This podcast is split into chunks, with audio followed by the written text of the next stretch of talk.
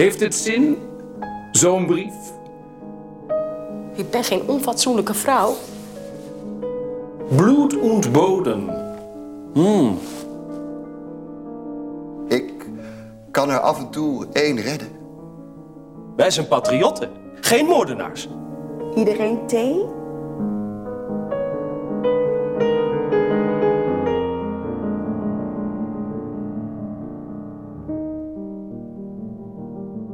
De Malibaan. Een statige laan ten oosten van het stadscentrum van Utrecht. In de oorlog het draaipunt van de bezetting.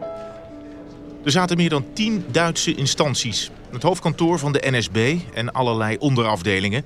Maar ook de Rooms-Katholieke Kerk en zelfs een paar verzetsgroepen. Op nummer 92 woonde tot september 1943 Frits Elzas, een Joodse zakenman die vicevoorzitter was van de Joodse Raad van Utrecht. We staan hier in Malibaan nummer 92. Ik woonde hier tot 1943. Ik had hier een appartement. Later trok de Abweer erin, de contraspionage voor de Weermacht. Maar toen was ik al gedeporteerd. Mijn naam was Frits Elzas. Ik ben 30 jaar geworden. Staat u mij toe?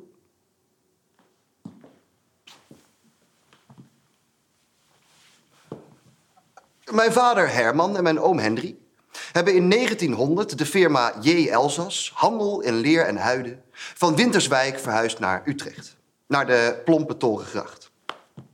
Ik was er toen nog niet. Ik ben van 1914. En in 1937, al op mijn 23ste, werd ik gemachtigde voor de NV-ledenmaatschappij voorheen J. Elzas. We functioneerden als groothandel voor eh, winkeliers, schoenmakers, meubeltassen en zadelmakers in de wijde regio. Het was een prima betrekking. Vandaar dat ik dit appartement kon bewonen in dit mooie pand aan deze prachtige laan. De zaken liepen uitstekend. Tot de Duitsers kwamen. Vanaf oktober 1940 mocht je als Jood geen eigen zaak meer hebben. Ik wilde iets doen. En ik werd ondervoorzitter van de Joodse Raad. Als u niet weet wat de Joodse Raad was of deed, neem ik u dat niet kwalijk. De Joodse Raad werd in februari 1941 in het leven geroepen op last van de bezetter. De Duitsers wilden één aanspreekpunt voor alle Joden. De raad werd ook geleid door Joden. Het hoofdkantoor zat in Amsterdam, maar de raad had afdelingen door heel het land, dus ook in Utrecht. In feite was de Joodse Raad een soort doorgeefluik. Wij waren de schakel tussen aan de ene kant de Nederlandse en de Duitse autoriteiten en aan de andere kant de Joden. De Raad moest alle anti-Joodse maatregelen bekendmaken en vaak ook gedeeltelijk uitvoeren. Eh, bijvoorbeeld, Joodse kinderen moesten naar aparte Joodse scholen. De Raad was verantwoordelijk voor de organisatie van het onderwijs in die scholen. Of de Duitsers wilden dat iedereen een gele ster zou dragen. En wij moesten dat gebod aan alle Joden overbrengen en de sterren verspreiden. We hadden afdelingen voor hulp aan vertrekkenden, onderwijs, gezondheidszorg en voedseldistributie. En ja, als ik dat zo zeg en ik kijk van dichtbij naar die woorden, hulp, zorg, onderwijs, voedsel, dan klinkt het best positief. En daar hield ik mij ook aan vast.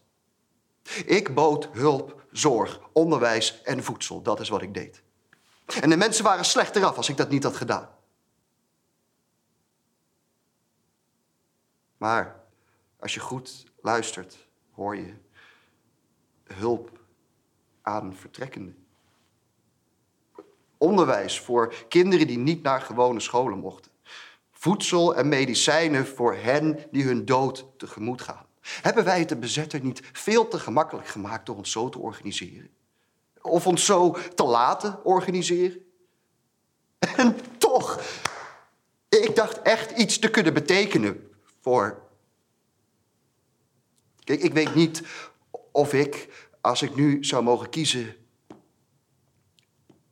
met de kennis van nu.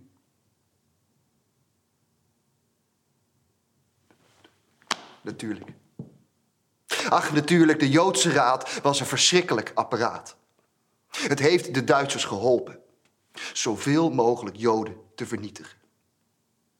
Toen ik op 4 februari 1944 naar Theresienstad werd gedeporteerd, waren we met meer dan 2000 Joden. Bijna 300 kinderen in 45 wagons. Wat een organisatie. Wat een logistiek. En eigenlijk had ik daar aan meegewerkt. En toch. Theresienstadt is vooral een doorgangskamp. Drie weken later kwamen we aan in Auschwitz. Onze groep werd op het perron opgevangen door een Jood. Een Jood die werkt in Auschwitz voor de nazi's. Hij bracht ons naar de barakken. Nou goed, we wisten inmiddels wel ongeveer wat daar gebeurde, dus ik schold hem uit. Hé, hey, Schmaus! Hoe kun jij je eigen mensen naar de dood brengen? En ik zag in zijn ogen dat hij. dat hij. Ik zag eigenlijk helemaal niks in zijn ogen. Dof, hard, niks. Niet onaangedaan, zeker niet, maar versteend van verdriet of zo. Een grimas van basalt.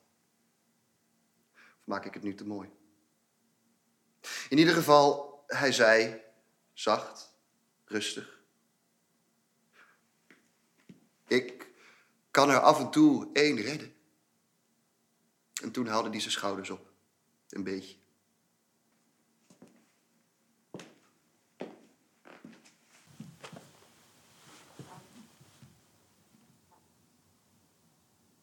Ik denk dat ik naïef was toen ik er in 1941 aan begon.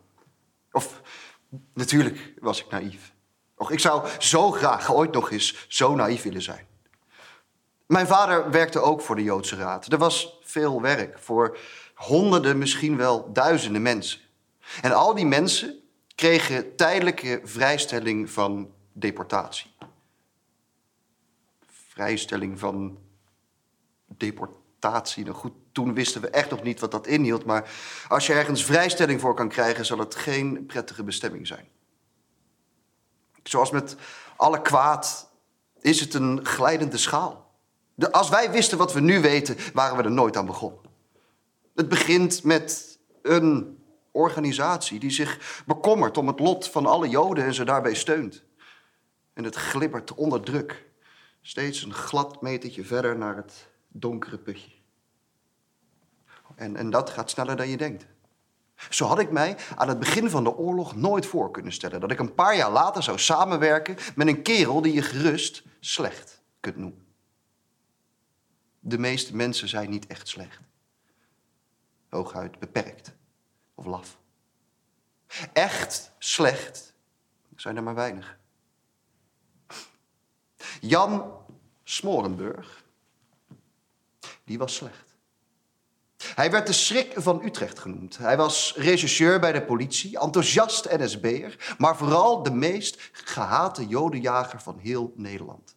Hij joeg de onderduikers door heel Nederland op om ze voor 7 gulden 50 per stuk aan te geven.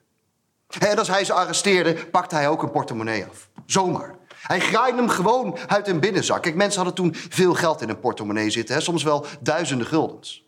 En als ze weg waren, dan roofde hij hun spullen. En de bezittingen van de gezinnen waar de Joden ondergedoken waren. Jan Smorenburg was bezeten van geld. En juist door die eigenschap kon ik met hem samenwerken. Smorenburg was corrupt, deed alles voor geld. Dus als ik genoeg bood, deed hij soms een oogje dicht. Hij kende een um, onderduikmakelaar. Ja, als de nood hoog is, heb je overal makelaars in. Hij zat in de beeld, ik heb zijn naam nooit geweten. We deden zaken. Ik met Smorenburg, hij met die makelaar. Zo zijn er toch een paar rijke Joden aan hun lot ontsnapt. Mag ik aannemen. Jan kwam mij elke week ophalen in zijn politieauto. Kijk, ik mocht niet reizen, maar moest wel regelmatig naar Amsterdam voor overleg met de Joodse Raad. In die auto deden we zaken. Hij moest vaak op nummer 74 zijn bij de ziekenheidspolitie voor instructies. En reed dan door naar nummer 92 om mij op te halen. Hé, hey, vuile landverrader, riep ik dan. Hij deed de deur van zijn wagen open en grijnsde me toe. Hé, hey, smerige rotjood. Hij had niks tegen Joden. Als hij Ariërs had kunnen verkopen, had hij het ook gedaan. Zijn eigen moeder zelfs, denk ik. Hij wist dat het fout was. Een zuivere antisemiet, een pure nationaal socialist, dacht echt het beste met de wereld voor te hebben door alle Joden af te slachten. Kakkerlakken waren we, ongedierte. De wereld was beter af zonder ons. Kijk, dat is weerzinwekkend en dom. Smorenburg was weerzinwekkend en slim. De enige gedachte die achter zijn handelen zat, was de gedachte aan Jan Smorenburg zelf. Hij wist dat hij er niet mee weg zou komen. Dat hij de doodstraf riskeerde. Daarom hield hij ook mee met de onderduik. Dan kon hij na de oorlog zeggen dat hij er een paar had gered. Ja, dit is een kiene kerel, die Jan Smorenburg. Een echte uh, overlever. En dan zette hij me thuis weer af. Ik had dan bij de raad een bedrag voor een bemiddeld Joods gezin doorgespeeld gekregen, van een paar. En dat ging dan weer naar Jan en daar werden we allemaal beter van. Oh, soms kreeg Smorenburg de onderduikers terug van zijn makelaar, als ze moeilijk gingen doen. Vond Jan prima, gaf hij ze alsnog aan. Kon hij twee keer aan ze verdienen. Ten slotte moest iedereen eraan geloven. Ook de Joodse Raad, ook ik. Uiteindelijk had ik mijn handen vuil gemaakt voor een klein beetje uitstel, voor een paar mensen. Ik hoop dat ze hun geleende tijd goed hebben besteed. Met elkaar, hun naasten, hun geliefden. Het was het enige dat ik kon doen. Misschien had ik het niet moeten doen. Ik had het niet moeten doen. Laat ze het zelf maar uitzoeken, stelletje Arische etterleiers. Maar ja, als de leiders van andere Joodse raden elders in Europa de Duitsers tegenwerkten of, of hun bevelen naast zich neerlegden, dan werden ze afgevoerd en vervangen door weer andere Joden die zich verantwoordelijk voelden en dachten iets te kunnen betekenen voor hun naasten. Als u straks naar buiten loopt, dan loopt u dezelfde weg als ik toen voor het laatst. Staat een wagen klaar om mij op te halen? Halte Malibaan. Van Halte Malibaan naar Halte Theresienstad, van Halte Theresienstad naar Halte Auschwitz. We lopen daar met zo'n 150 mensen van het perron naar een paar gebouwen. Er zijn vrouwen bij. Sommige huilen. Sommige kinderen huilen. Eén kind zingt een liedje. Dat is raar. Haar moeder schreeuwt tegen haar dat ze dat niet moet doen. Iemand heeft nog een grote koffer bij zich. En daar lopen we naar het zwart. Omdat we Joden zijn. En ik kijk naar ons hoe we daar lopen. En ik voel het totale zinloze van wat ik de afgelopen paar jaar heb gedaan. Ik kan er af en toe één redden.